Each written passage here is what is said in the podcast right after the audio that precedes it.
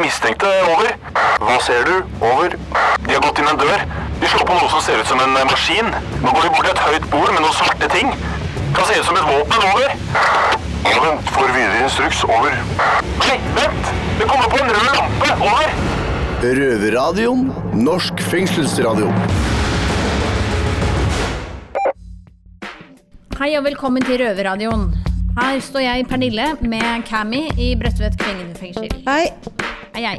Dette er en spesialpodkast som Røverradioen har laget for å vise frem alt det fantastiske de har laget i Bergen fengsel. Vi har litt problemer med lyden, men innholdet er allikevel eh, verdt en lytt. Da kjører vi sending. Ja, vi gjør det. Kom igjen.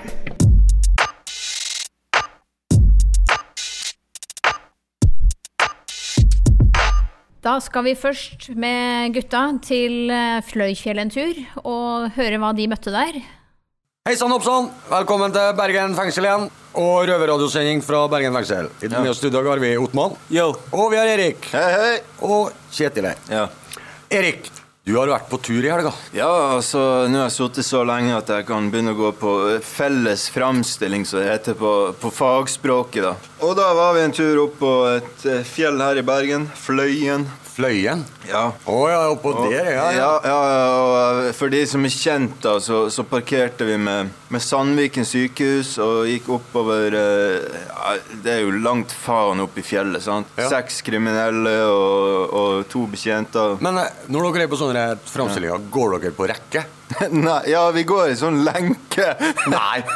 Nei, vi gjør ikke det. Vi, vi får gå ganske fritt, de gjør det? faktisk. Så ja, de har en viss kontroll, da, selvfølgelig. Uh, nei, det var mye folk ute, det var fint vær, og, og noe av det første vi møtte på, det var jo en ganske sånn spaced fyr med langt, grått hår, og, og han ene stoppa jo for å preke med han, da. Han, uh, han sa det at, uh, at han var 37 år gammel i dag, og, og han hadde bursdag, og det hadde tilfeldigvis alltid hatt bursdag på en søndag. da Såpass? Ja, I 37 år så tenkte jeg Wow, hva er dette her slags kar? Han gikk liksom og så jævla sånn spaced to kikka opp i lufta. Akkurat sånn så etter noe som ikke fantes. Du var i nærheten av Sandviken psykiatriske Ja, det var veldig oppi hugget der, da. Så jeg tenkte jo bare mitt, men uh, gikk bare videre uten å, uten å ja, bry meg så mye om det. Altså, jeg har sett verre ting, for å si det sånn. Og uh, jeg vet ikke om dere har lagt merke til det, men jeg er jo litt spaced, jeg og litt sånn svidd i skallen og godt, godt prega.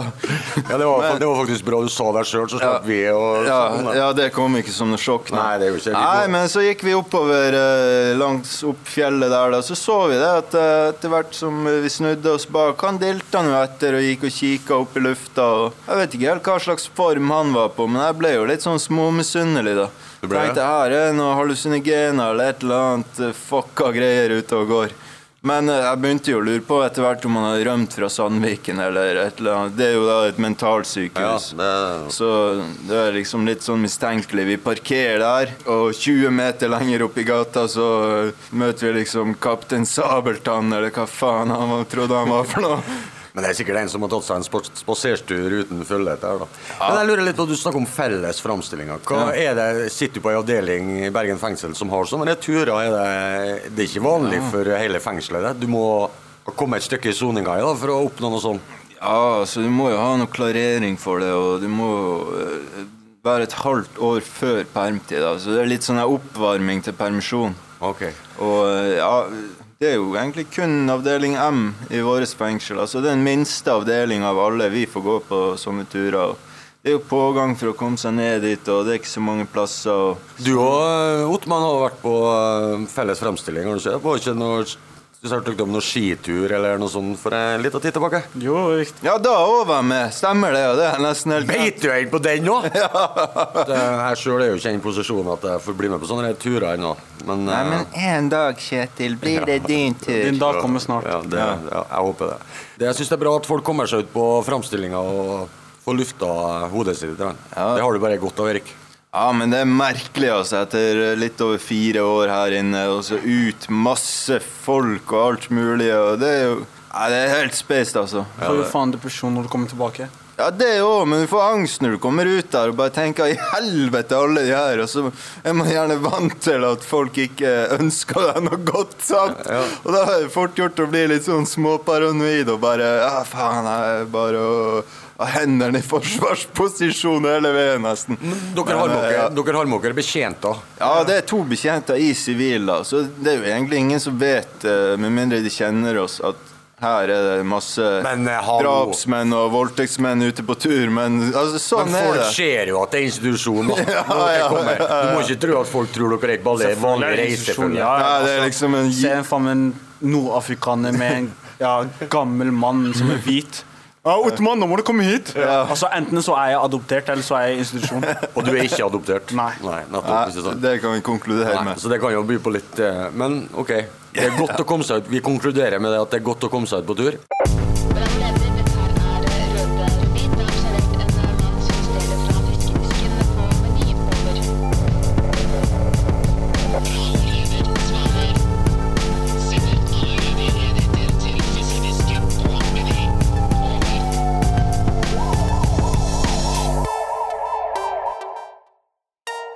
Vi skal ned fra fjellet og snakke med en som har fått benet riktig så godt planta.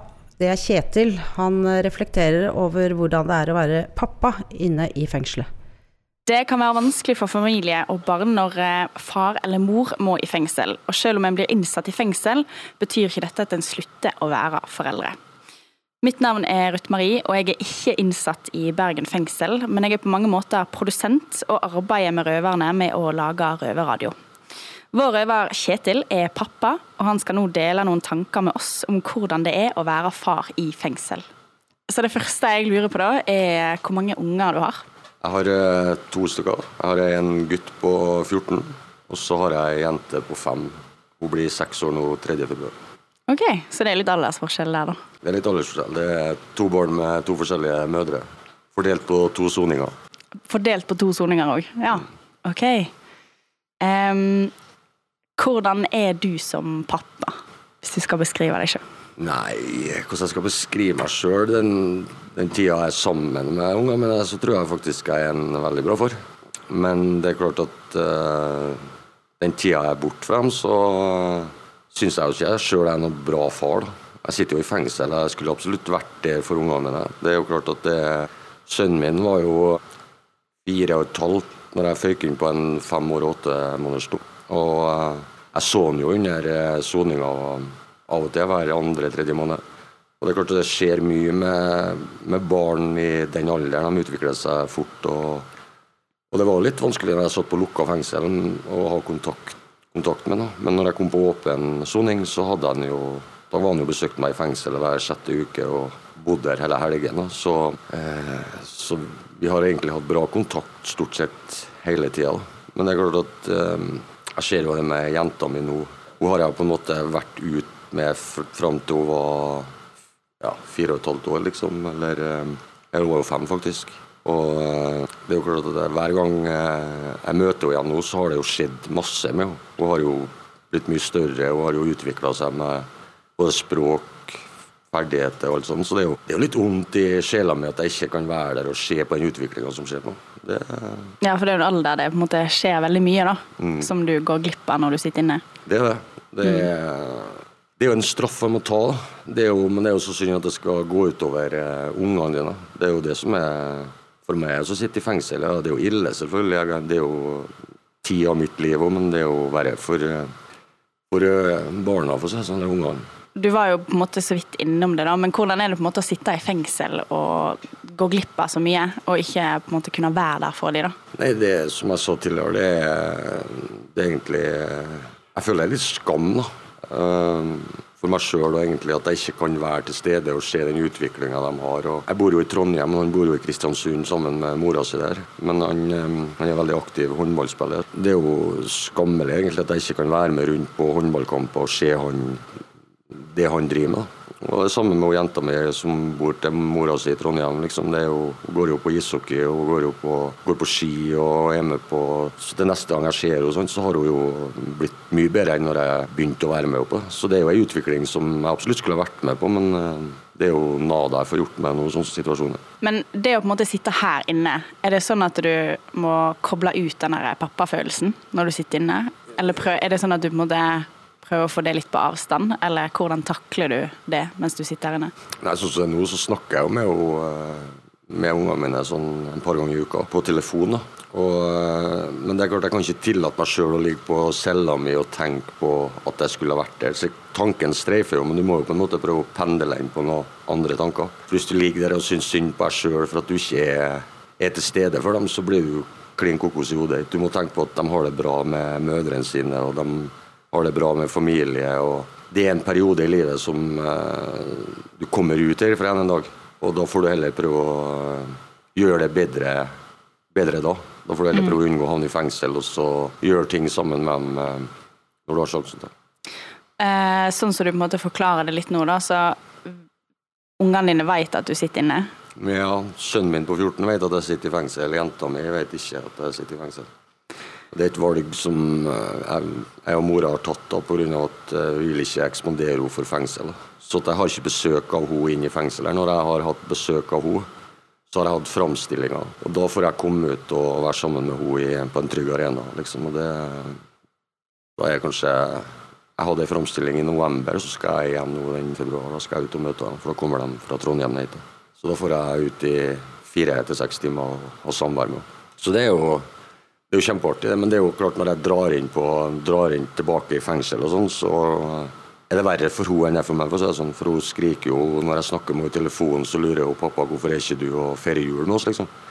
Da må jeg jo sitte og lyge til henne og si at jeg er på skole og at jeg ikke har muligheten til å komme igjen, men eh, pappa kommer snart hjem igjen, liksom. Ja, når kommer du? Så det er veldig mye spørsmål. da.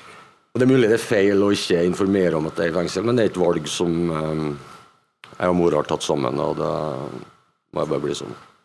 Hva, måte, hva er det som gjør at det er så vanskelig å fortelle det? Nå er jo hun fem år, så det er jo kanskje litt vanskelig for henne å forstå. Men er det, hva er spesielt vanskelig med å fortelle til henne at du sitter inne? Nei, Jeg vet ikke om det er så spesielt vanskelig, men jeg tror det er kombinasjonen med at vi vil prøve å være noe fra Jeg tror ikke det er så vanskelig å fortelle henne at jeg sitter i fengsel. Det som er vanskeligere, er å forklare henne hva et fengsel er. For de har Donald Duck-bilder i hodet sitt med B-gjengen og fotlenker og, og sånne store jernkuler de har rundt foten og sånn. Og så er den eksponeringa hvis, hvis jeg først skal fortelle henne at jeg er i fengsel, så har hun sikkert villet komme, komme og besøke meg i fengsel. Og jeg tror ikke det er sunt for en unge å komme inn gjennom sånne murer og inn i ei sånn sluse og sitte på et besøksrom i x antall timer uten å ha Jeg tror det blir en veldig falsk, falsk arena å ha samvær på. Men der er jo masse forskjellige meninger om og, Men nå er jo det valget tatt, i, og da får det bare forbli sånn. Så håper jeg å komme meg på åpen soning om et års tid eller noe sånt, kanskje. Så da blir det jo mye lettere alt å ha opprettholdt samvær. da. Det å på en måte være en god pappa og sånn, er det noe du bekymrer deg for av og til? Det er jo klart at uh, jeg er jo ikke noe god pappa når jeg sitter i fengsel. Det syns jeg sjøl. klart det er en bekymring. Det er, det er en belastning både Jeg vet jo at det er en veldig stor belastning for den, dem som er på utsida, som har eh, som har ansvaret for ungene når jeg ikke er her. For det blir jo plutselig dobbelt opp med arbeid på dem. Og det, det bekymrer meg jo. Det bekymrer meg at hvis du bor sammen med noen og kanskje har basert livet ditt på, på at det skal være to foreldre til stede og for å følge opp ungene på best mulig måte, og så forsvinner den ene forelderen for en periode på kanskje flere år. Så da vil det jo på en måte kanskje gå utover unger eller barna sin utvikling og sine muligheter til å, til å utvikle seg. Men heldigvis så kommer jeg jo fra en forholdsvis ressurssterk familie som stiller opp og hjelper, så jeg vet jo at de har det bra. Og det er jo på en måte en trøst som jeg har bak i ryggsekken min tida, at, jeg- at jeg vet, de, vet jeg, at de har det de trenger, og at de får den oppfølginga de, de trenger. For seg. det. Hadde vært mye verre hvis jeg, jeg har kommet inn i fengsel og jeg visste at kanskje mora var ute på skråplanet og rusa seg, eller alkoholiker eller et eller annet. Da har det vært mye mer bekymringer. Da har jeg vært mye mer bekymra for at ungen eller barna mine ikke skulle ha det bra. Men det er en bekymring jeg ikke har i hele tatt. Nei. Det er jo bra, da. Og så har jeg jo mulighet til, sånn som i Bergen fengsel, der så har vi jo noen av oss som har barn, vi har muligheten til å ha sånn Skype-samtaler. Og Det er en gang i måneden. Du får en halvtime en gang i måneden der du får sitte på Skype og snakke. og Det er jo, det er jo en kjekk ting. da. Ja, for da får hun sett Er det sant eh, som bare snakker dere, eller er det video, eller Det er video, ja. Du, Ja. Vi ser hverandre, så det er jo, det er jo en kjekk ting. da. Det er jo litt fint. Men det er jo liksom Jeg tenker litt sånn Nå vet jo ikke hun at du sitter i fengsel, men er det noe du tror hun Er det noe du kommer til å fortelle henne når hun blir eldre? Ja, det kommer til å fortelle henne noe bedre. Det er klart, for det Marerittet er jo at hun skal få høre det igjen av andre og bli mobba for det. Så med en gang hun, en gang hun skjønner, skjønner konseptet fengsel og sånne ting, så vil jeg snakke med henne om det. det. Det er klart jeg skal. Det er klart jeg må være ærlig med ungene mine og si hva jeg sitter for og hva jeg har gjort og sånn. For det vil jo komme fram uansett. Og det, hvis du ikke forteller meg, så blir jeg jo blir som å skyte seg sjøl i foten. da. Det kan kanskje bli verre. Det blir mye verre. Det, det er mange eksempler på det. At eh, folk har holdt, prøvd å holde ting skjult, og så fortida kommer og biter deg ræva før eller siden uansett. Eller eh, det, det er sånn det er. Det, Det- er vanskelig å skjule noe. For noen vet noe uansett, og noen kanskje bærer nag derfor det du har gjort, og da er det klart at eh, det er mye bedre å informere ungene dine om Ikke bare ungene, men familie generelt. Det er mye bedre å, å være åpen og ærlig om det som har skjedd. Så lenge de er i stand til å forstå det. Det er min mening i hvert fall. Og som sagt, det er mange delte meninger om det her, men eh, det er sånn vi velger å gjøre det. Takk for at du ville snakke litt om hvordan det er å være pappa i fengsel, Kjetil. Det er bare trivelig, ja.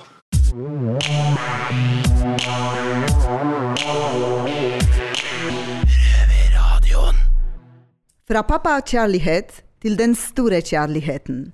Kjærlighet er et stort ord. Mange går gjennom livet og får aldri oppleve kjærlighet. Hva med de som sitter i fengselet? Og hvilke refleksjoner de har om den store følelsen? Ja, hei, hei, mitt navn er Erik, og dette er Røverradioen fra Bergen fengsel. Med meg i dag så har jeg Ottmann og Kjetil, og vi skal snakke litt om kjærlighet. Og Kjetil, husker du din første kjærlighet? Nei, det kan jeg ikke si at jeg husker, nei. Det gjør jeg ikke. Det begynner, begynner å bli en voksen mann, vet du, Erik. Ja, det Så, begynner å bli. det, så jeg har ikke samme husken som jeg hadde for noen år siden. Nei. Men um, jeg er jo forelska nå, da. Ja. Slags forelska. Jeg har jo dame og det, Så jeg kan jo si at jeg husker den forelskelsen, i hvert Ja, fall. ja. Men um, jeg vet ikke hva jeg skal si om det. Det er vanskelig å være forelska og sitte i fengsel. da. ja, det er stress. Det Men det er nå bare sånn, så du må jo på en måte bare innfinne deg med det. Du da, Ottmann, har du noen gang vært uh, hodestups forelska, som man sier? Ikke som jeg kan komme på nå. Nei. Altså, jeg, jeg vet eh, ærlig talt ikke hvordan man føler seg når man er forelska, så jeg kan ikke svare på det.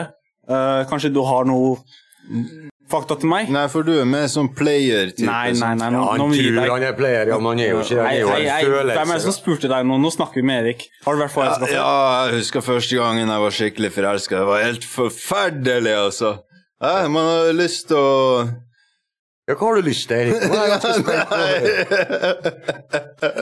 Det går jo rykter i fengsel om at du er ganske forelska i en annen innsatt, kvinnelig innsatt, stemmer det?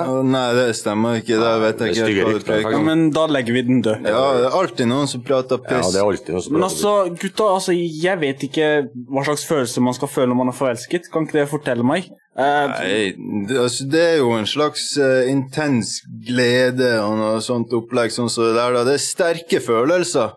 Ja, det er sterke Såpass, ja. følelser som er i sving. Du kjenner på hele kroppen, på en måte. er det sånn adrenalinkick og begynner du å svette og sånn? Adrenalin. Nei, du begynner ikke svette, men du blir ukonsentrert, du blir rastløs. Du blir, med en gang du ser den du er forelska i, så forandrer du oppførsel og blir fjasete. Jeg husker jeg sjøl jeg var på din alder, sånn i begynnelsen av 20-åra, var jo forelska. Ny, ny forelskelse annenhver helg.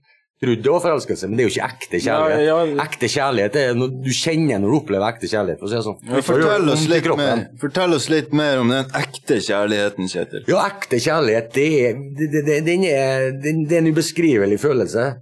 Du, du, du, du kjenner på hele kroppen. Det, du svetter, og du blir på en måte klam i hendene. Ja, alle kroppsdeler Du gjør utslag på alle kroppsdeler, for å si sånn. Ja, der fikk vi noen tips fra Dr. Løv. Eh, hva med deg, Erik? Nei, altså, jeg vet ikke så mye om ekte kjærlighet. Altså, jeg vet da faen. Men jeg har jo hatt mye kjærester som man blir glad i og sånt. Men etter hvert så blir man jo bare drita lei og dumper de og finner seg en ny. Men altså, jeg skjønner når du er glad i en person, men er det samme som å elske en person? Nei. Nei, jeg tror ikke det, altså. Det er ikke det samme, ikke sant? Nei. Nei, jeg tror jeg har vært skikkelig forelska og elska en dame en gang, men eh, hun vet jo aldri helt, sant, men det føltes jo veldig rett, og så plutselig gikk det til helvete. jeg skal prøve, prøver å si, at når du, når du finner en person du virkelig elsker, og elsker noen det betyr litt, det er noe annet å være forelska og elske noen, det er to vidt forskjellige ting. Forelska er jo ofte når du er ung og forelska, men når du kanskje vært sammen med en person og du lærer å kjenne dem på både godt og vondt, det er da du lærer å elske noen. er min oppfattelse i hvert fall. Riktig. For da, for da må du på en måte eh, Siden når du er ung da, og du begynner å bli forelska og småforelska i tenåra, og da kan du plutselig dumpe og finne en ny en dag etterpå. Men det gjør du ikke hvis du elsker noen. Da er på en måte din livsledsager, og da står de sammen med om du sitter i fengsel, eller om du er i Nordsjøen og jobber, eller Ja, du skjønner, da, da er de der for deg hele tida. Det er en stor Gode, forskjell. gode og vonde dager, Ja, altså. Men det altså, det, det finnes et ordtak. Folk pleier jo å si det finnes mange fisker i havet. Ja. Nå, så er det noen som sier at eh, det finnes den rette personen ute der. ikke sant? Hva, hva syns dere om det? Finnes det en rett person for deg, eller er det helt random? For å si det sånn, sånn som meg er jo et forhold nå, jeg, jeg har det veldig bra i forholdet. Jeg har, eh, jeg har, jeg har vært i forholdet i fem-seks år snart. Jeg har aldri vært på tanken om å gå over bekken etter nytt vann, for å si det sånn, hvis du skjønner på det. det jeg føler kjemi, og det stemmer, og hun har de sidene jeg vil at en dame skal ha, og tydeligvis har jeg de sidene hun vil at en mann skal ha. Og det er på en måte, Du merker når det klikker. da. For det jo, Blir du forelska når du er sammen med noen, og, og dere er så vidt forskjellige, da, vil det, da går ikke forholdet etter en stund, for da glir dere fra hverandre sakte, men sikkert. Så Det, det merker jeg jo. Jeg har inntrykk av at det, det, finnes, det er mange fisker i havet, men det, det liker du en fisk, så øh, bør du holde deg til den fisken. sånn. Hva med deg, Erik? Tror du sjelevennen din finnes der ute, bak murene? Ja, sikkert et eller annet lurt sted gjemt bort i en mørk krok eller noe. Men uh, nå har jeg sittet inne noen år og skal sitte inne i mange til, så jeg er egentlig bare glad for å slippe alt det stresset der akkurat nå også. Men du, Kjetil, du, du har jo samboer. Um, er ikke du redd for at eh, hva hun gjør på fester ute mens du sitter her inne, begynner ikke du å få sånn baktanke eller følelse om kveldene, eller når du sitter inne i cellen, og ja, håper ikke det masse spørsmål inni hodet ditt da?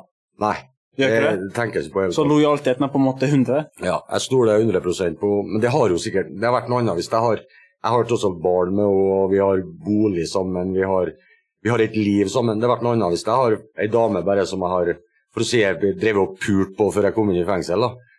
Som uh, kanskje har uh, vært, i- vært i en helt annen situasjon. Da har jeg vært mye mer bekymra for at hun hadde vært og eh, Eller hadde et rusproblem, for den saks skyld.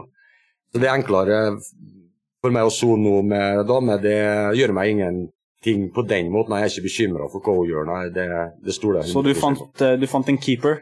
Ja, Det er bra. det er bra.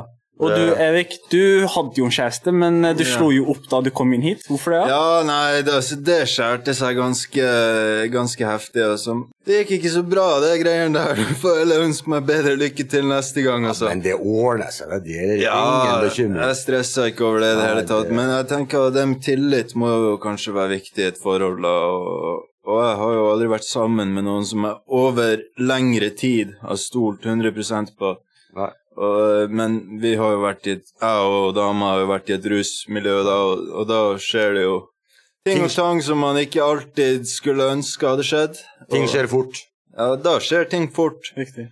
Og eh, så, nei, Men eh, rådet mitt til deg, Otman, du er jo bare eh, i begynnelsen av 20-årene. og Du må prøve å feile litt før du Ja, for jeg har jo et spørsmål til deg, Kjetil, og til deg, Erik. Ja. Og altså, det spørsmålet kommer ikke bare fra meg, men alle de unge som hører på.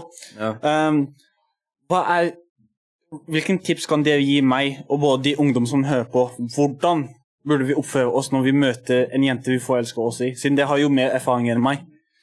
Det kan jeg si. Jeg har eh, vært ung jeg sjøl for mange år siden. og eh, jeg tror det viktigste er ei dame hvis du finner ei dame du, du føler, føler at du kan være sammen med, du må være snill med henne. Du må være trofast. Og du må ikke gjøre, ikke gjøre akkurat som hun sier. Jeg sier ikke at du skal bli eh, underkua og sånne ting. Du må ha dine egne meninger. Gjør ting sammen og finn felles interesser, samtidig som du har et liv ved siden av, at du har tid til kompiser og dine fritidsaktiviteter, så at du ikke blir bare du og hun. For da blir det krasj til slutt. Dere kan ikke gå opp i hverandre 24-7. Men å bli kjedelig, da. Da, da, da bruker jeg opp hverandre. Men eh, vær trofast, ikke vær utro. Det er det dummeste du gjør.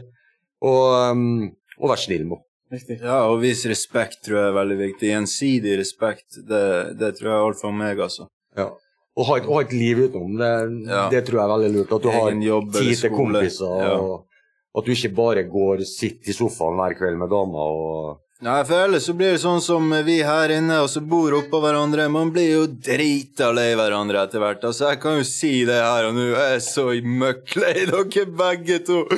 Fuck dere. Nei, jeg ikke vær sånn. Hei, hei, Faen. Da tror jeg vi bare setter Ja, et strek over den diskusjonen diskusjonen Vi bare legger den død. Vi er ferdig. Takk for det, Erik. Takk for det, Ottmann. Over og ut. Over og ut. Hei, hei.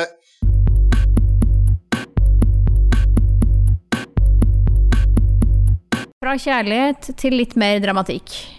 Vi skal nå høre fra en som forteller hvordan det er å sitte i fengsel når han får høre at kameraten blir drept på utsiden.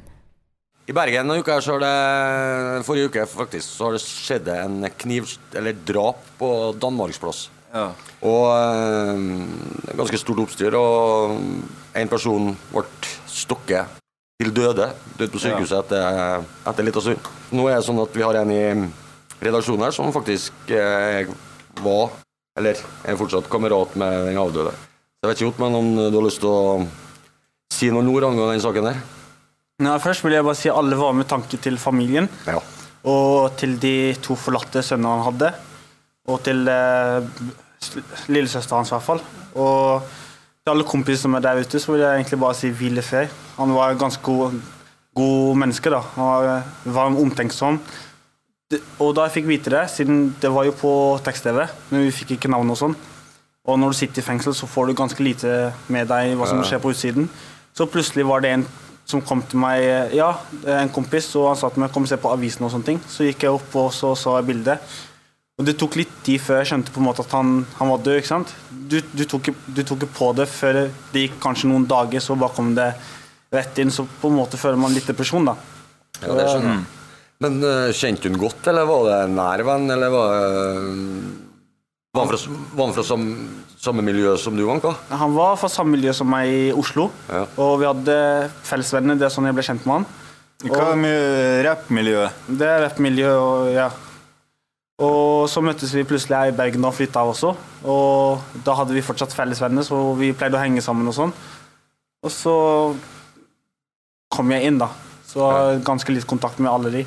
Ja. Vi vet jo veldig lite om Vi har lest det som står i avisa om at det har vært et ganske Det er jo flere personer som Det var jo tolv stykker, var ikke det? Som, Som var sikta først, ja, men eh, ja, så var det tre som ble varetektsfengsla eller noe Ja, sånt. ja, ja. Så det, det er jo tydelig at det har vært et stort eh, Et stort slagsmål, da. Ja, Og med, mediene spekulerer jo som alltid. Sant? Eh. Man må jo nesten ikke tro alt det man leser der heller. Nei, det er jo klart, det er jo, de skal jo på en måte framstilles som uh, gjengrelatert og sånn. De skal jo på en måte få det verste ut av det. Men det er jo klart at det er jo litt tragisk da, så at uh, han blir drept av Hvis det stemmer det som politiet tror, at han blir drept av sin egen uh, fetter, var det det? Riktig. Kjente du han òg, eller? var det- Fetteren Jeg kjente ikke han, men jeg vet hvem det er. Vet du den der? Og ja, kjente den avdøde litt mer, da. Ja. Og det er jo nok et eksempel på at uh, kniv er noe forbanna drit, da. Det er jo Ja. nok et knivdrap. Og, Ja, vi eh, prekte jo om dette sist uke, Altså, bare dagen før dette skjedde, sant, spilte vi inn om uh, Ja. knivvold og Og det som er, det som er jævlig oppi alt det det er jo at familien sitter igjen og han to dat små dattere, hva er det du sa? Han to sønner. To sønner. Ja. Og det er jo klart, de mister jo en pappa. Og, så, men det kommer vel sikkert fram i media litt etter hvert hva som har skjedd. og, og alt sånt. Så vi får bare følge med. Så Ja. får vi bare sende våre varme tanker til Hele familien. hele familien og alle som kjente den, og alle pårørende.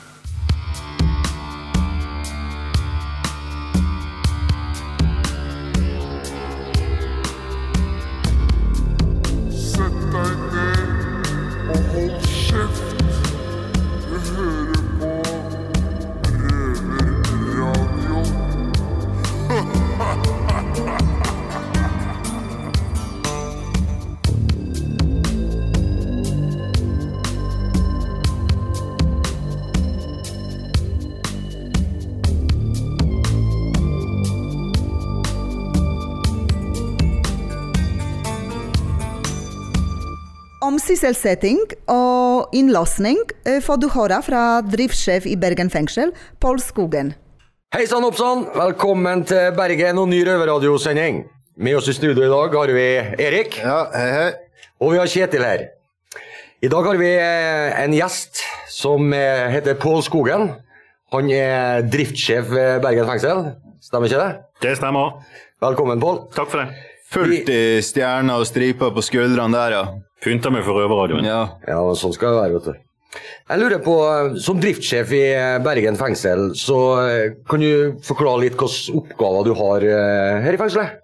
Ja, det er jo flere oppgaver. men Primæroppgaven min er å sørge for at vi har gode tilbud til innsatte når det gjelder uh, sysselsetting.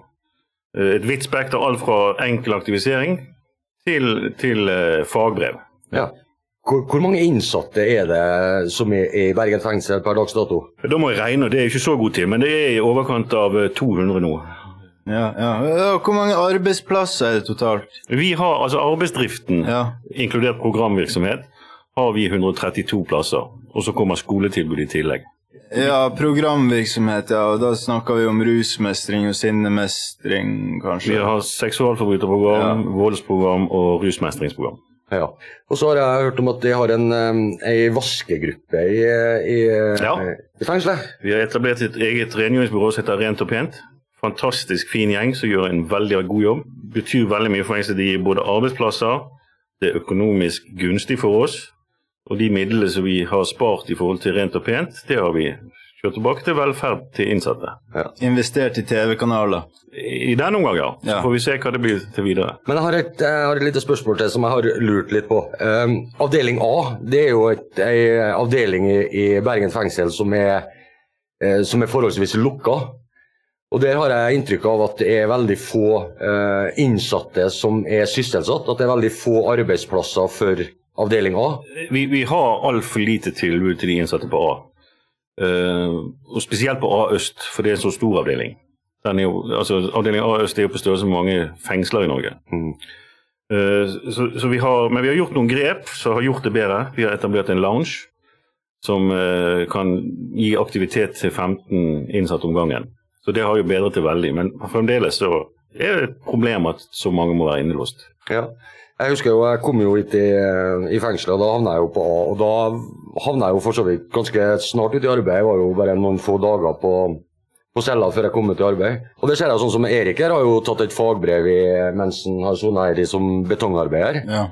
Og han må jo være en mann det kan brukes til, til diverse småreparasjoner og sånn. Det er vel sånn som dere gjør, ikke det? Ja da, og vi, vi prøver å se etter hva kompetanse innsatte har. For vi har veldig mange oppgaver som gjøres i fengselet. Både vedlikehold, vi produserer ting. Så det er klart at innsatte som har en eller annen form for faglig bakgrunn, eller ønsker å få det, er vi veldig interessert i å benytte.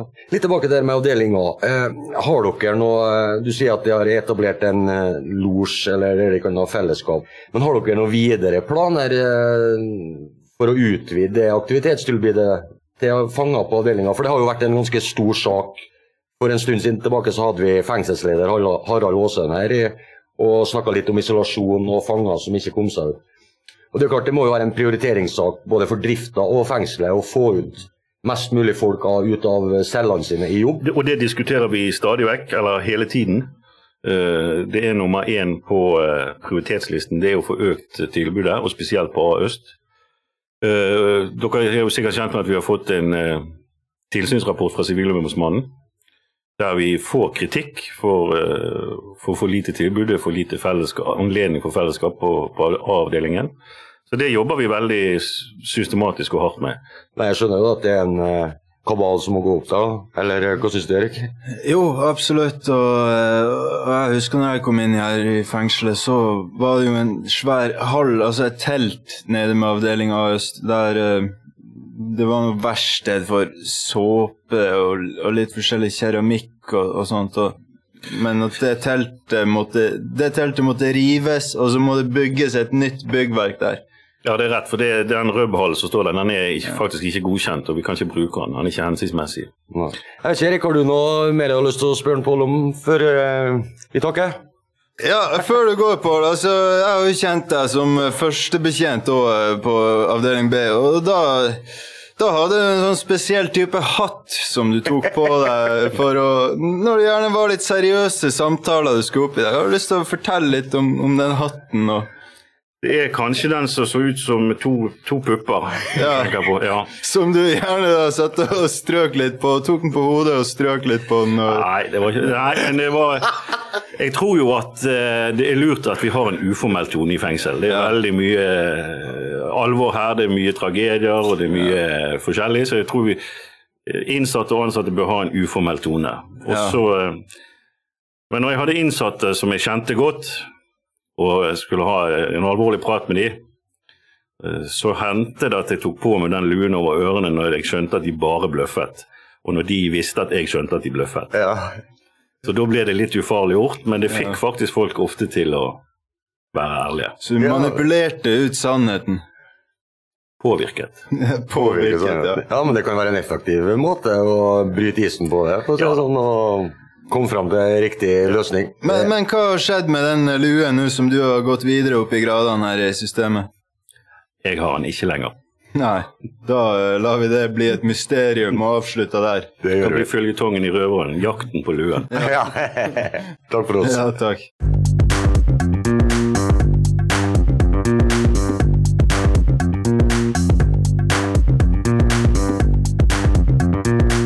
Sysselsetting. Kanskje det er noen røvere som er eh, sysselsatt. Vi skal i hvert fall til Øyvind, som jobber som frivillig bibliotekar, og se hvilke tilbud han har å by på. Hei sann, oppsann. Velkommen til Berger fengsel på en ny sending av Røverradioen. I studio i dag har vi Erik. Og vi har Kjetil.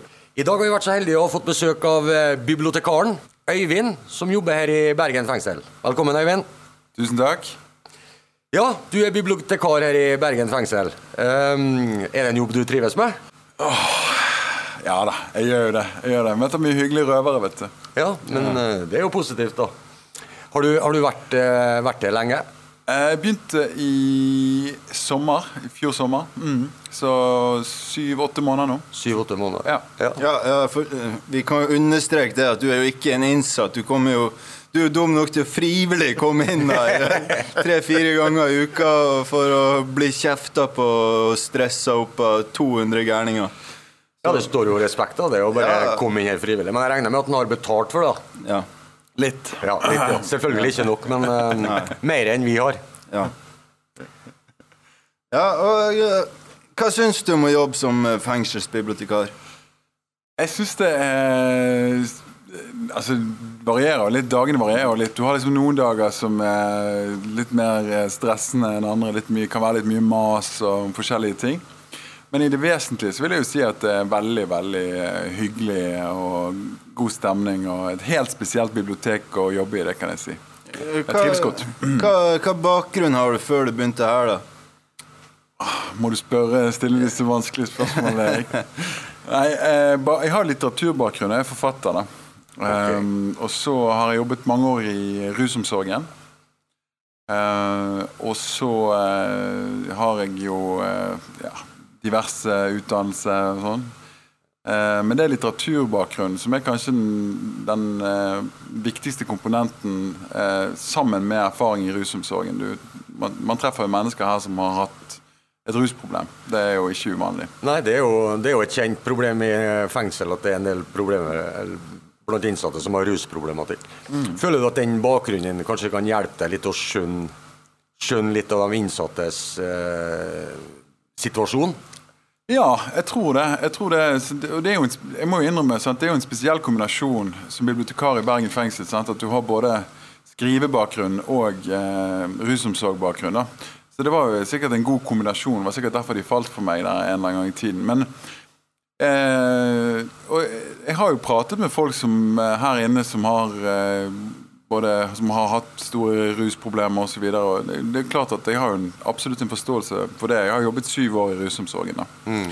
Så jeg absolutt eh, vil si det. Den, det hjelper på med bakgrunnen. da. Ja, det vil jeg tro. For du, folk som har vært borti eh, litt sånn rusproblematikk, de har jo kanskje litt lettere for å skjønne problemet enn en vanlig person som ikke har vært i sett Ja. den situasjonen. Ja, jeg tror det. Jeg tror det. Jeg tror det er en god, eh, en god kombinasjon av ting. da. Ja, og det, jeg snakker jo litt med innsatte som er rundt på biblioteket, og de har jo vært et veldig godt inntrykk av deg. Ja, Alle som Ja. jeg snakker med, at du er en veldig eh, trivelig, omgjengelig fyr, og hjelpsom, ikke minst. Og det, mm, det må ting du må ta med her videre. Tusen takk for det. Det setter jeg pris på å høre. Ikke så pen å se på, da, men det er jo greit nok. Vi er på radio, så ingen som kan Jeg har, faktisk, jeg har jo faktisk hørt at han, mange som syns han ligner litt på han Martin, han eh, voice, eh, voice-mentoren. Jeg vet ikke om du har sett Voice, han ene mentoren her. Han heter Nei. Martin Danielle eller noe sånt. heter han. Nei, jeg vet da faen, jeg ser ikke på det der. Og det har jeg hørt flere som har sagt at Nå, han er jo lik bibliotekaren vår. Ok. Ja, ser du det, ja? ja, så, så, ja det er kanskje en viss likhet. Han har litt mer sånn snurrebart og og litt mer ringer og litt mer dingel. Han er jo tross alt en artist. du er jo bare en bibliotekar. Men eh, jeg har òg hørt at du er ganske habil eh, sjakkspiller. Ja. Sånn, eh, jeg var jo aktiv sjakkspiller tidligere. Jeg har bl.a. skrevet en sjakkbok. da. Um, men eh, jeg er ikke noe sånn Jeg er habil, eh, men ikke, ingen stor sjakkspiller på noen som helst måte. da. Vi får jo besøk her på mandag eh, av en virkelig god sjakkspiller i Ja. biblioteket. Og det har jeg, det har jeg jo sett rundt om på avdelinga, og det er jo det er, jo et vel, det, han, det er jo ikke første gang han er her. Han har jo vært der eh, ved tidligere Han er det vi kaller en gjenganger. En gjenganger, ja. ja. Og dette er jo da snakk om eh, Atle Grønn, som sikkert mange kjenner fra TV. Han skalla som sjakkommentatoren på, på NRK. Grønningen. Grønningen, og du er, på, du er på det. Du kjenner han du òg, Erik? Nei, eh, nei, jeg har aldri møtt han, men jeg skal ned der på mandag. da. Og, og, og Poenget er jo da at han skal spille sjakk mot uh, altså såkalt simultansjakk mot Hvor mange blir det? 20-30 av oss i slengen? Jeg håper 20 i hvert fall. ja. Mm. og, uh, Men hva er, hva er for deg som er litt uh, bort fra det her, hva er simultan? Det vil jo si at um, man liner opp eh, 20 brett. Én spiller eh, bak eh, hvert brett, eh, ikke sant? Og så skal denne Atle Grønn da gå fra brett til brett og spille mot alle, styk, alle de 20 samtidig. Ett og ett brett, men alt pågår simultant, altså på samme tid. Uh, så det blir veldig spennende. Jeg, jeg blir jo veldig veldig skuffet hvis f.eks. Erik her ikke vinner. da mot, uh, Ja. vi, har, vi har prøvd å groome Erik så godt vi kunne. Da. Ja, ja. Du har ligget i hardtrening? Ja, jeg har det, altså. For f- du, har jo, du har jo en medhjelper på deg biblioteket ditt, en innsatt. og, og Jævla flott fyr jeg har hørt. Kan du bare forklare han eh, for lytterne med kanskje tre, fire, fem ord? Eh, Det er Erik, da. Sant, som vi har Ja, det er meg, det, ja. Er det du, ja? Ja, det er meg. det, det, om Erik så vil si at eh, han er en eh, veldig flott fyr. Ja, god, fin å se på og alt mulig. Hør dette, damer. Hør. Han trenger brevvenn, så ja. Desperat etter brev. Over til litt, eh, litt seriøst igjen. Eh, Når du er på biblioteket, eh, er det, leier dere ut mest bøker, eller går det mest i serier og DVD? Det går definitivt mest i serier og DVD. Og, det, og grunnen til det er jo ganske enkel. da. Den er jo rett og slett sånn at Man har ikke noen mulighet til å ha noen strømmetjeneste her inne. Så det er jo eh, Jeg vil si at det er flere ganger Jeg husker ikke akkurat tallene, men jeg lurer på om det var oppi ti ganger så mye utlån av eh, film og serier som bøker, faktisk. Såpass, ja. Og som sagt, det er ikke rart. Det er jo, hvis man hadde hatt Netflix, så hadde ikke det behovet vært der. Men når man ikke har sånne ting, så er jo det behovet der. Absolutt. Og det er jo eh, det er et veldig bra tilbud å ha bibliotek. Jeg har jo sittet i andre fengsel rundt om i Norge, bl.a. i Trondheim fengsel. Og der er faktisk et veldig bra bibliotek. da. Og eh, det er jo egentlig et um, I hvert fall når du tenker på dem som sitter på isolasjon og sånne ting, så er det jo veldig greit at de har muligheten til å gå på biblioteket og låne seg en serie eller en film, så at de har noe å slå i hjel tida med. For det blir lange timer å sitte på cella. Ja, ja, absolutt. Du må jo slå i hele tiden, sant. Eh, Ja. Og du, eh, du er vel ganske behjelpelig med å, hvis det er forespørsler om du kan skaffe eh, diverse serier og filmer og sånn, så gjør du ditt beste for å Absolutt. Vi prøver så godt vi kan å, å anskaffe det som er av serier og filmer som blir, blir spurt etter. da. Um, eh, det er jo ikke alltid vi kan hjelpe, da, men vi prøver jo så langt det lar seg gjøre. å enten kjøpe inn nytt materiale, eller og, så kan vi reservere det fra andre biblioteker og sånne ting. Så vi prøver å skaffe alt til veie som er. Det, er det én ting gjerne som mange etterspør? Av, tenker du på serier og filmer? Ja, også? eller en bestemt vare, da. Bestemt vare Jeg vet, eh, altså, jeg vet jo på en måte hva du tenker på, Erik. da Jeg kan si det, da. Pornofilmer, har du ikke lov å leie ut det til oss? Nei, det er riktig. Det, et, et seriøst bibliotek driver ikke med det. Dette har vi vært inne på tidligere, Dag Erik, om eh, kjønnsorgan og bevegelige kjønnsorgan. Du vet hvordan holdninga til fengsel er. Det, så skal du ha det, så må du få den på en annen måte, og det kan jo la seg gjøre. det. Ja, Men hvis du hadde hatt lov til å låne ut, ville du ha gjort det? Det er et veldig godt spørsmål, Erik. Jeg hadde jo kanskje følt meg som Jeg hadde kanskje f- ikke følt at det var liksom At det var liksom innholdet i jobben å sitte her og låne ut pornofilmer. Jeg må innrømme det. Det er litt sånn kleint å sitte her. Ja, hva sjanger er du ute etter, eller hva er noen spesielle ønsker, liksom? Her? Nei, det er, det, det er mer sånn der Da driver du mer en sånn snuskete videobutikk. Sant? Ja, Så det- på- på hjørnet, liksom, Ja, ikke sånn. sant, et eller annet. Og det, det jeg, hadde ikke, jeg hadde ikke søkt meg en sånn jobb, tror jeg. Det var det vi liksom holdt på med. Men utover det så vi, ønsker vi å kunne hjelpe på alle mulige måter. Og det har jeg inntrykk av at du gjør, og det, det, det er bra. Men, eh, men har du noe Du sier jo at det skal være en sånn simultansjakkturnering med Atle Grønn. Har du noen andre planer for fremtida igjen, har du en visjon eh, du har lyst til å gjennomføre med biblioteket? Absolutt. Jeg har jo veldig lyst til å ha kanskje en, eh, et arrangement i biblioteket kanskje annenhver måned. Det er liksom det vi kunne fått til. da. Og det er jo mange ting, Da er vi jo opptatt av hva de innsatte ønsker. Eh, Det har jo vært ting på tapeten sånn som skrivekurs, f.eks.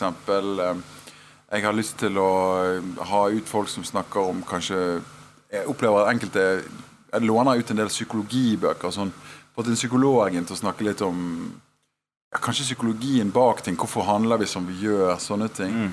Eh, rett og slett prøve å få liksom, variasjon i arrangementene. da. Eh, sjakken eh, hadde jeg jo i høst, og så var det en stor suksess. og Da velger jeg liksom å gjenta noe lignende. For jeg vet at mange er interessert i å spille sjakk. eh, blir stadig spurt om å spille sjakk mot folk. Så det, det, jeg vet at det er liksom ting som går hjem. da. Også, Ja. Men prøv å ha en stor bredde i arrangementene, og veldig åpen for innspill da, fra hva folk ønsker seg.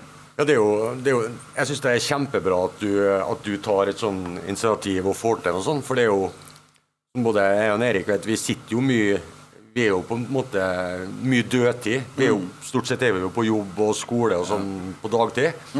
Men på kveldstid liksom så er det jo Ja, vi har jo trening, og så er fellesskap og Så at, at det skjer ting utenom det vanlige, liksom, det er jo bare kjempepositivt. Altså få tiden til å gå, og spesielt med et innhold som er interessant, tenker jeg må bare være bra for et fengselsbibliotek. Og det er sånne ting som fengselsledelsen er positiv til når du kommer sånn som den sjakkturneringa. Du har ikke møtt noe motstand av På ingen måte. altså Bare positive tilbakemeldinger og et ønske om å gjennomføre.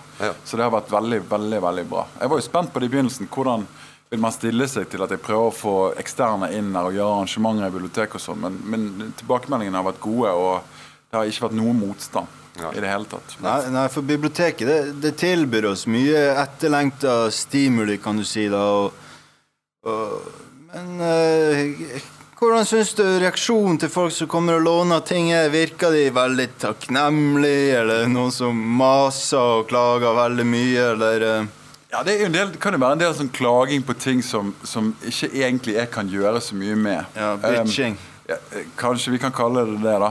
Men det er akkurat som Av og til har jeg jo inntrykk av at, at du er en slags um, at jeg, at jeg er en slags Noen ser på meg som en sånn fyr som han sitter der bare døgnet rundt. Og det er alt han tenker på. Det er jo bare å skaffe ting til biblioteket. Ja. Som om han skal løpe av gårde sjøl liksom rundt med egne penger og bare handle. Så det, det, Av og til kan man få det inntrykket. Men, Ja. men i det hovedsakelige så opplever jeg at folk er veldig glad for at man har et bibliotekstilbud. og Selvfølgelig du skuffer noen og enkelte ting du ikke har sjanse til å skaffe, og sånne ting, men man prøver så godt man kan. og det tror jeg at folk setter pris på. Jeg, jeg opplever at de aller, aller, aller fleste er hyggelige og takknemlige og møter biblioteket på en fin måte. Men selvfølgelig, det finnes unntak. og Det gjør det jo på alle biblioteker. Sånn er det på biblioteket på utsida av Ja, muren. også. Det, det, det er sånn du må regne med. For du Ja. kan, det er noe som heter du kan ikke gjøre alle til laks, liksom. Og så lenge du vet med deg sjøl at du gjør så godt du kan, Mm. så, øh, så syns jeg det er klapp på skuldra til deg sjøl. Liksom, Takk for det, øh, Kjetil. Jeg klappet meg sjøl på Ja, skulderen. men det mener jeg. Ja. Det, du gjør en kjempebra jobb, og det er i hvert fall den det er det jeg hører blant innsatte, at du er veldig imøtekommende og prøver å gjøre alt du kan. Og, og folk som er litt oppegående, de skjønner det at er det, et- kommer de med et, en forespørsel som i utgangspunktet er umulig. Mm. Og så håper de kanskje innerst inne at du kan hjelpe dem likevel. Mm. Og når du ikke klarer det, så blir de sure og grinete. Jeg mener, fuck dem, altså. Det, er- det er min mening. Eller hva er det? og jeg må jo bare understreke også at, eh, at jeg har jo hatt eh, Erik blant annet, som har hjulpet meg i biblioteket, og uten assistent som hjelper deg der oppe. For du driver jo biblioteket alene i prinsippet. Uten assistent eh, og, som gjør en god jobb, så, så er du faktisk Du hadde ikke hatt sjans til å, til å klare å drive det ordentlig innenfor den arbeidstiden du har. Nei, det er- Så utrolig takknemlig for det. Jo, takk, takk. Men eh, som din assistent, så eh, vet jeg du er ikke alltid like flink til å si nei.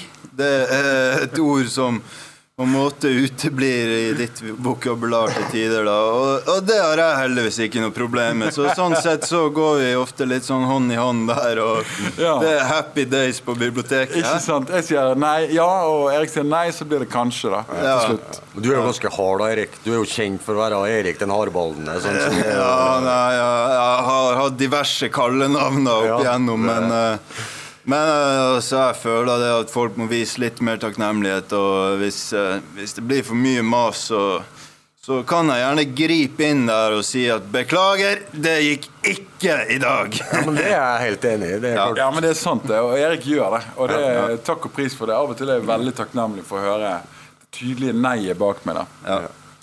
Jeg vet ikke, Erik. Har du noe mer eh, du har lyst til å vite fra Nei, altså Jeg vet jo det siden jeg kjenner deg, men du har jo, du har jo mange baller i lufta. Du driver og skriver skuespill, du er som sagt forfatter, og, og du liker å gå på trening. Og, men finner du sånn- finner du noe tid til å slappe av mellom slagene? Ja, Da tror jeg egentlig at jeg gjør uh, samme som du er, eh, Erik. Setter meg ned og ser på en serie. altså. Det er, det er liksom, da kan jeg koble helt ut. Kjenner pulsen synker, da. Uansett hva jeg ser på. Så, så eh, avslapping Ja da, herregud, jeg er jo makelig anlagt også. Jeg får jo slappet av nok, altså. Jeg gjør det. Og du har jo muligheten til å selv om du er i fengsel, liksom, du har jo muligheten til å gå ut av fengselet. Ja, det er jo jeg veldig glad for. Så det er jo, det er jo kjempebra. Ja, Hva tenkte du første gang du kom inn porten her? Det var jo på en måte litt sånn der eh, Jeg hadde jo sett fengselet kjørt forbi, sant? Jeg hadde sett det, men det er jo litt sånn wow-følelse, da. Disse her, det er jo høye murer og, Ja, og sånne ting. er da. høyt, høyt sikkerhetsnivå. Ja, det er jo nettopp det det er. Så det var, det var jo eh, på en måte litt sånn fremmed og, og interessant, da. Eh, og var jo spent på av folkene jeg ville møte. Sant? Både ansatte og innsatte. da. Men det har vært gjennomgående positivt. Jeg må si det, altså. Eh, Så, men det var, det var, jeg var, var spent i starten. Ja, jeg var det. Når jeg var på opplæringsvakta med den forrige bibliotekaren, f.eks., syns jeg det var Det var jo en ilddåp. Bang, så var du i gang, og hundrevis av utlån på en kveld. Og, Ja. sant? Så det var jo det var litt heftig. Jeg tenkte Husker jeg var dritsliten etter jeg var på opplæringen første gangen. Da. Det var jeg. Men eh, etter hvert så lærer du deg på en måte systemene, og du får god hjelp av assistent og sånne ting, så går det seg til. Men det var, det var spennende i starten. Absolutt. Og det er fortsatt spennende. Det er jo en veldig interessant jobb. Ja, det, det byr på nye utfordringer hver dag. Men uh, det er godt å høre at du er fornøyd. Og, og jeg tenker kanskje det skal være siste ord vi sier i denne saken her. Eh, Takk for besøket. Tusen takk for at jeg fikk komme.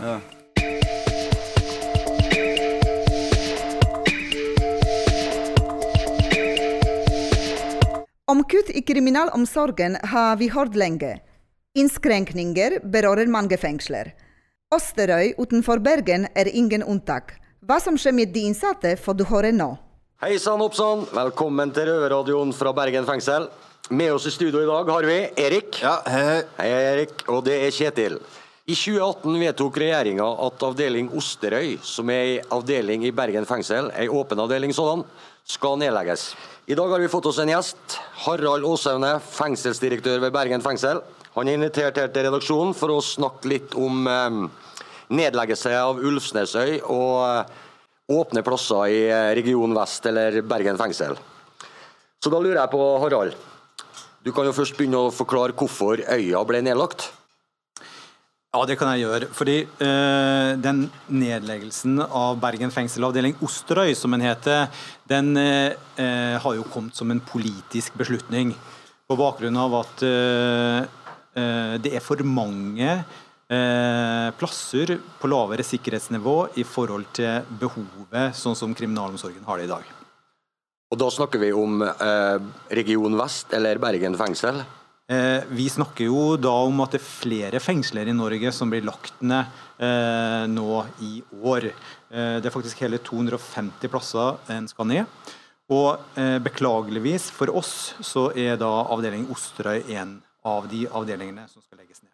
Ja. Hva er det som skjer med de, eh, med de eh, innsatte som eh, har sona eller soner sin dom på, på Osterøy? Blir de flytta rundt i andre fengsel i regionen, eller kan de påregne å bli flytt, flytta til andre fengsel i andre regioner? Det er jo eh, selvfølgelig en vanskelig situasjon for de innsatte som eh, i dag sitter på avdeling Osterøy. Og eh, det å få en beskjed om at eh, det stedet skal legges ned, det er selvfølgelig for både innsatte og ansatte. Tømming av avdeling Osterøy er jo allerede starta.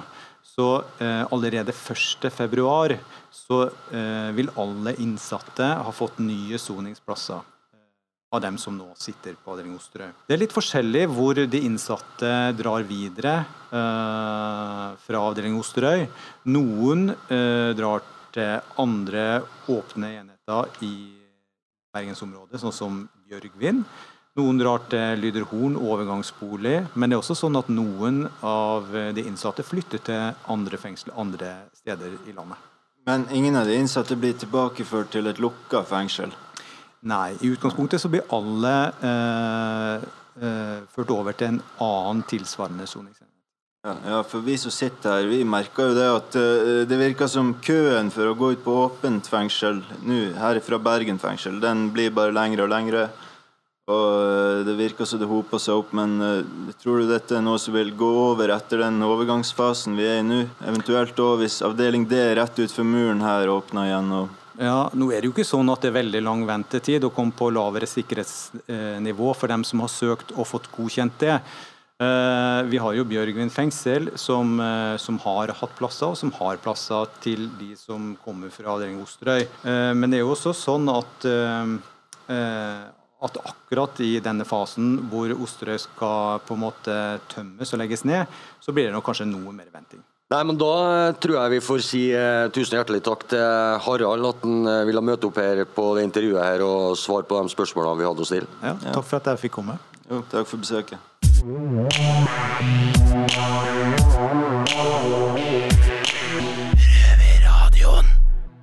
du på om gutta har dårlig samvittighet for handlingene sine? Da bør du lytte nå. Da skal vi til en dårlig idé.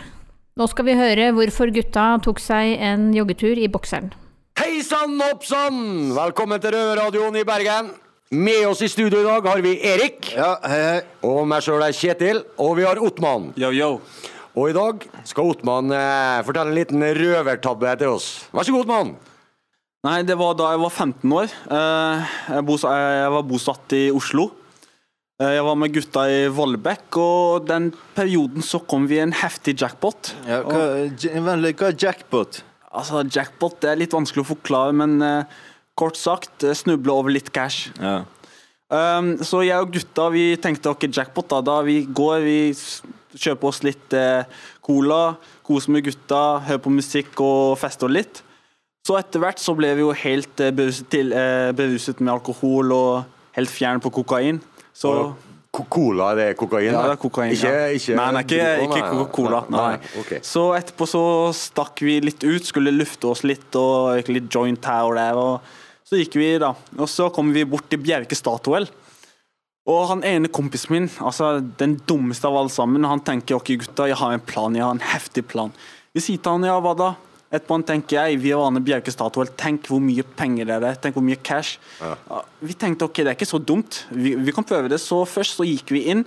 Vi tenkte vi var sånn eh, David Torska, skjønner du. Vi gikk inn, vi skulle synkronisere alt. Vi skulle se hvor kassen lå, hvor alt eh, lå sånn plasserte. Så gikk vi ut igjen, så planla vi det. Og så han ene negeren sier til oss ok, vi gjør sånn og sånn og sånn. Ikke sant? Og så tenkte vi ok, jackpot, det er heftig, vi kan gjøre det. ikke sant?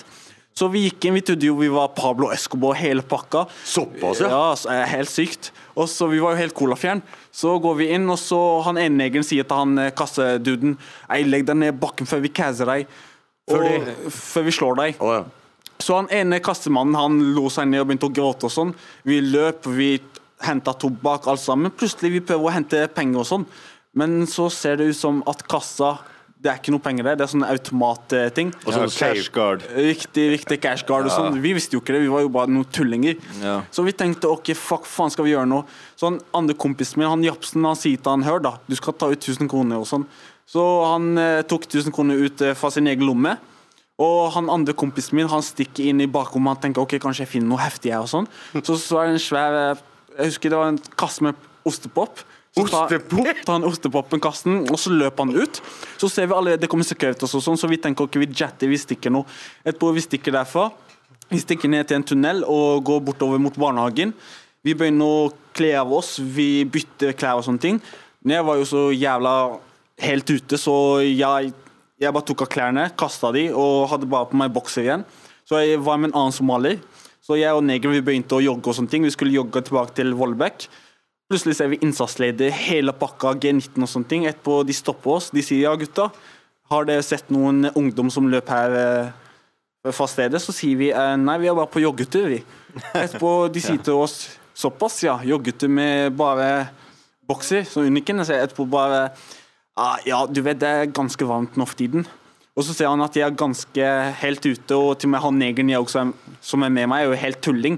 Og han sier ja, du vet, du vet. Han begynner å snakke litt sånn fucka. Så, og så har jeg en plate i underbuksen. Plate? Aluminiumsplate? Nei, det er ikke aluminiumsplate, hasj. Oh, hasj, ja. Ja, Bare for å si det rett ut. Så stikker vi dit, da, også. ja. Altså Kort sagt så ble vi tatt, og så ble vi fucka. Hele gjengen. Så ja. Ja. Men eh, tenkte dere ikke på han stakkaren som lå kom eh, jobba på bensinstasjonen og og skreik da? Altså, helt ærlig, vi ga faen. Det eneste vi tenkte på, det var skaffe cash, og så selvfølgelig ostepop, og bare komme oss ut så fort som mulig. Et perfekt brekk, med andre ord. Erik. Ja, ja. Perfect job. Ja, det er jo selvfølgelig Altså, stakkars han i kassa, da. Har mista sine egne cash. og La seg ned på bakken, fikk panikk, angstanfall. Eh, Altså, ja, jeg, altså, det er jo stakkars for han, men der og da så tenkte jeg ikke, tenkte jeg ikke masse på han. ikke sant? Fordi han, han så ut som en liten drittunge, og jeg tenkte Ja. ok, vet du hva, han jobber her, jeg er en liten gutt. Bare la meg skaffe cash og komme meg ut.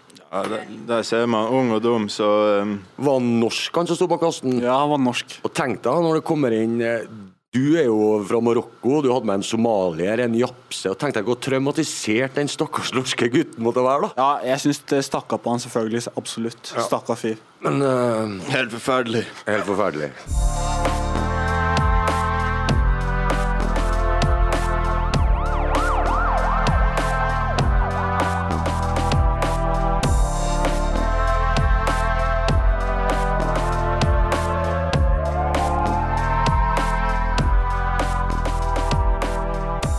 Fra rovetabbe til roverråd. Vi rovere har opplevd livet både på utsiden og innsiden av gjerdet. Fengsel er livets skole, sies det. Man lærer mye der. Derfor, kjære liter, hør nå på rådene fra rovere fra Bergen fengsel. Hei sann, oppsann. Velkommen til Røverradioen fra Bergen fengsel. I studio i dag har vi Erik. Ja, hei. Og vi har Ottmann. Halla. Og Kjetil. Velkommen til spalta vår Røverrådet. I dag har jeg fått inn eh, noen spørsmål fra noen medinnsatte som jeg lurer på om vi kan hjelpe dem å ja, komme med innspill på noe de lurer på. Det skal vi klare å få til, eller hva, gutta? Ja, så er det noe vi kan, så er det å løse Det er jo det, da. Bare å fyre på. Vi gjør i hvert fall noen forsøk, da. Det er en som uh, skriver her. Han sitter i fengsel, og dama hans Han har funnet ut at dama hans er utro. Hva bør han gjøre? Det er det et spørsmål? Slå opp, bli ferdig med det. Hva? Du sitter i fengsel. Ja, men Det kan jo hende han har barn med, det, jo, det, det står ingenting om her. Men er det bare å si Du er jo ung, Ottmann. Det er jo ta, bruk, kast, få ny. sant? Ja, Men det er jo mange voksne som er Ja, men da, da må du svare på det spørsmålet. Du har kone eller samboer, du har barn. Hva hadde du gjort? Men jeg lurer på noe i, denne, i dette han, han som kommer med spørsmålet. Er det fakta, eller er det et rykte? Nei, jeg- regner med at det er fakta. Ja, for da blir det jo hakket mer seriøst. Ja, det er jo, vi skal jo prøve å svare så seriøst vi kan på det her. Det er jo en som lurer på spørsmålet, og vi må jo prøve å hjelpe ham på rett vei, liksom. Ja, altså jeg kan jo si at når jeg kom inn i fengsel, så venta jo en veldig, veldig lang dom, og da må vi bodde i en annen del av landet. Så jeg sa til henne at du må prøve å finne deg en annen type. En som kan være snill med deg og ta litt vare på deg, og hvis du vil komme på besøk til meg fortsatt, så er det greit, liksom. Det ble jo ikke noe av det, men eh, hun fant seg en type og har barn nå. Ja, men det er jo veldig bra for hennes del. Ja. Jeg, jeg tenker at uh, det er jo som Notmann sier, slå opp hvis det er bare noen damer dame du har vært sammen med en måned eller to, så er det ingenting å samle på. og sitte her. Men er det på en måte kanskje etablert, så er det jo ikke bare å gi henne fyken, liksom. Men hva kan du gjøre, da? Du sitter i fengsel, du kommer jo ikke ut, eller noe sånne ting. Så Nei. egentlig så har jeg ikke noe, noe godt råd Så egentlig bare holde motet oppe, da. Jo, ja. det, det er jo det. Det er jo litt kjipt å vite at dama ligger og har seg med en annen mens du ligger her og drar i pipen din. Det, Livet er ikke herlig. Nei, livet er ikke herlig. Nei, altså den svir, men jeg tenker at folk vil takle det annerledes. Jeg tenker han eh, gubben her, han må stole på magefølelsen, og hvis den sier eh, 'gjør det slutt', så gjør man det. Jævlig bra sagt, Erik. Det tror jeg må bli det siste rådet. Vi har et spørsmål til. Her står det Har dere gutter noen råd om hvordan det er lurt å gå frem hvis du kjenner noen som har gjort noe galt i fengselet som du burde, burde si fra om? Ja, bare hold kjeft. Drit i det. Ikke gidd å gå og blåse noen uansett, liksom. Med mindre Ja, eller Ja, uansett. Tenk på dine egne saker. Jeg er helt enig med Erik. Er det noen liv som står i fare, så, så må man jo nesten gjøre noe grep. Eventuelt bare snakke med den innsatte og Men ja. Det er det jeg mener. Hvis jeg har kommet til å havne i et lite dilemma, for eksempel hvis jeg har stått en plass og jeg har hørt at f.eks. for eksempel at det var noen gutter som har tenkt å, tenkt å ta deg, Erik. Du har tenkt å ta deg og fly på dem, komme inn på cella og skambanke deg, ikke sant? Ja, det kan skje. Og da har jeg jo selvfølgelig måttet ha prøvd å unngå det, så lenge Ja. jeg har likt den personen det har dreid seg om. Ja. Du må jo prøve å gjøre det meste du kan for å unngå at det skaper problemer. Absolutt. Men jeg sier, jeg sier jo ikke at du skal gå og blæse tyst til bekjente og sånne ting. Det vil jo være dumt, for det kan jo bare gå tilbake på deg sjøl. Men Ja, prøv å løse løs, eh, situasjonen med å kanskje snakke med partene. Ja, og så er det jo om det man har overhørt er alvorlig, eller om det er tomt snakk, men jeg tenker det at hvis noen har problemer med noen andre innsatte her inne, så kan det være greit å gå og preike med de under fire øyne, og ikke sånn aggressiv tilnærming, for da blir det bare blodbad og helvete. Hva syns du, Ottmann? Altså, jeg sier pass på dine egne saker. Det er Fei for egen død, liksom. Riktig. Så lenge det ikke angår deg, så bare gi faen. Ja. Nei, men Det håper jeg ble hjelpa med det rådet. Så har jeg siste spørsmål her. Ja. Det er en som lurer på Hvis du har en dårlig dag, hvordan klarer du å komme deg gjennom den dagen? Hva er dine virkemidler for å, for å komme deg gjennom den dagen? Hvis det er noe fått en dårlig beskjed fra utsida, eller noe som gjør at du blir, blir lei deg, for å si det sånn, eller har en dårlig dag? Mm. Ja, ja. Det, altså, det er jo noe som skjer hele tiden her. Og jeg mener jo det at uh, hvis du starter med en dårlig dag, så er det på en måte nesten bedre enn at noe skjer på kvelden rett før innlåsning på cella, og da får en skikkelig nedtur, så kan det være vanskelig å sove sånn. Hvis jeg starter med en dårlig dag, så, så tar jeg noen pushups, trener litt, tar en, en kopp kaffe på morgenen og, og tar en dusj og prøver å bare fokusere på det positive. Dagens gjøremål, hva skal skje på skolen i dag, osv. Men, men trening er jo noe som har hjulpet meg veldig mye. Og, tidligere så var det jo rus. sant? Det tydde til mer og mer rusmidler. Har du noen tips å komme med, om hvordan du takler dårlige dager? Altså Før så pleide jeg på en måte å innbille meg at så lenge jeg knipser, så har jeg på en måte slått av følelsene. Så prøver jeg bare å tenke på noe helt eh, noe annet, kun fengselsrelatert. For Om du tenker på ting som har skjedd i utsiden, eller noe som påvirker deg ganske negativt, eller positivt for all del, så er det på en måte bare å tenke vet du hva, det her er bare midlertidig. Snart skal jeg komme ut, så bare hold motet oppe. Hold motet oppe, ja. For det er jo ikke alltid like enkelt å bare knipse, som du sier. For det kan jo være ting som Det kan jo være en dårlig beskjed eh, du får utenfra, fra familie og sånne ting. Det er jo det verste som kan Ja. skje, og, og da tenker jeg at det er greit å ha en eller to som man kan sitte ned og preke seriøst med. Eh, Hva ville du gjort, Kjetil? Jeg vet nesten ikke. Jeg har jo eh, hatt mine dårlige dager. Og, det er jo klart at det er som du sier, det er jo greit å ha noen par eh, kompiser eller tjommier som du kan snakke med problemet om. og ja, kanskje få deres sin, sine innspill om hva de ville gjort. Og det er klart at eventuelt snakke med en bekjent du har, føler at du har connection med, det er jo det er, jo, det er mange måter å gjøre det på. Jeg tror ikke det er noe oppskrift på det, men det, jeg tror det dummeste du gjør, er å, å, å havne i situasjoner der, eh, der du kan bli sint. For det tror jeg Ja. kan bli veldig irrasjonelt, og da kan det gå utover andre. Ja, for da kommer alt det innestengte plutselig ut i en jævlig eksplosjon. Men, men eh, det er ikke alltid lett, det der greia der. Men eh, jeg tenker det hvis man har andre innsatte som man kan stole på, så kan det være greit òg de vet at uh, man har det litt tøft der og da. Så vanligvis så bare kødder vi om alt hele jævla tiden, men vi skjønner jo òg når det er noe seriøst, og da, da skifter alle liksom litt om, og så jeg vet ikke om jeg vil si at ordet omsorg kommer fram, men det er kanskje i en, liten grad. En slags omsorg? Ja, en slags. Det er jo et vennskap, da. Det er vanskelig spørsmål vi fikk inn uh, i dag. altså. Ja, det er dypt. Dype spørsmål. Men uh, det var de spørsmålene vi hadde uh, inntil Røverrådet i dag. Fortsett å komme med spørsmål, skal vi svare på best mulig måte. Takk for oss.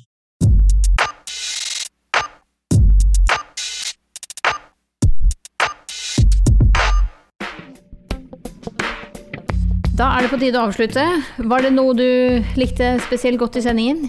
Ja, godt og godt. Jeg syns i hvert fall at det var eh, veldig trist at Osterøy skulle legges ned, for der er det kjempefint. Ja.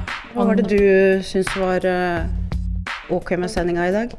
Jeg syns Røvertabben var uh, genial. Jeg ser dem for meg der de jogger rundt i bokseren. Ikke sant? Ordentlig drite seg ut. Virkelig. Vel, vi går mot slutten, og til deg som lytter, tusen takk for at du hørte på oss helt til slutten. Og Røverradioen hører du på Radio Nova klokka 18 fredager. Og på lørdager halv fire på P2. Og selvfølgelig på podkast. Hele døgnet. Overalt. Når du vil. Ha det! Ha det! Det har vært stille fra over en time. Hva skjer? Over. Det er bare et radioprogram. Det er lettere å høre på dem der. Over. Ja, vet du når det går da? Over. Det er samme tid og samme sted neste uke. Over.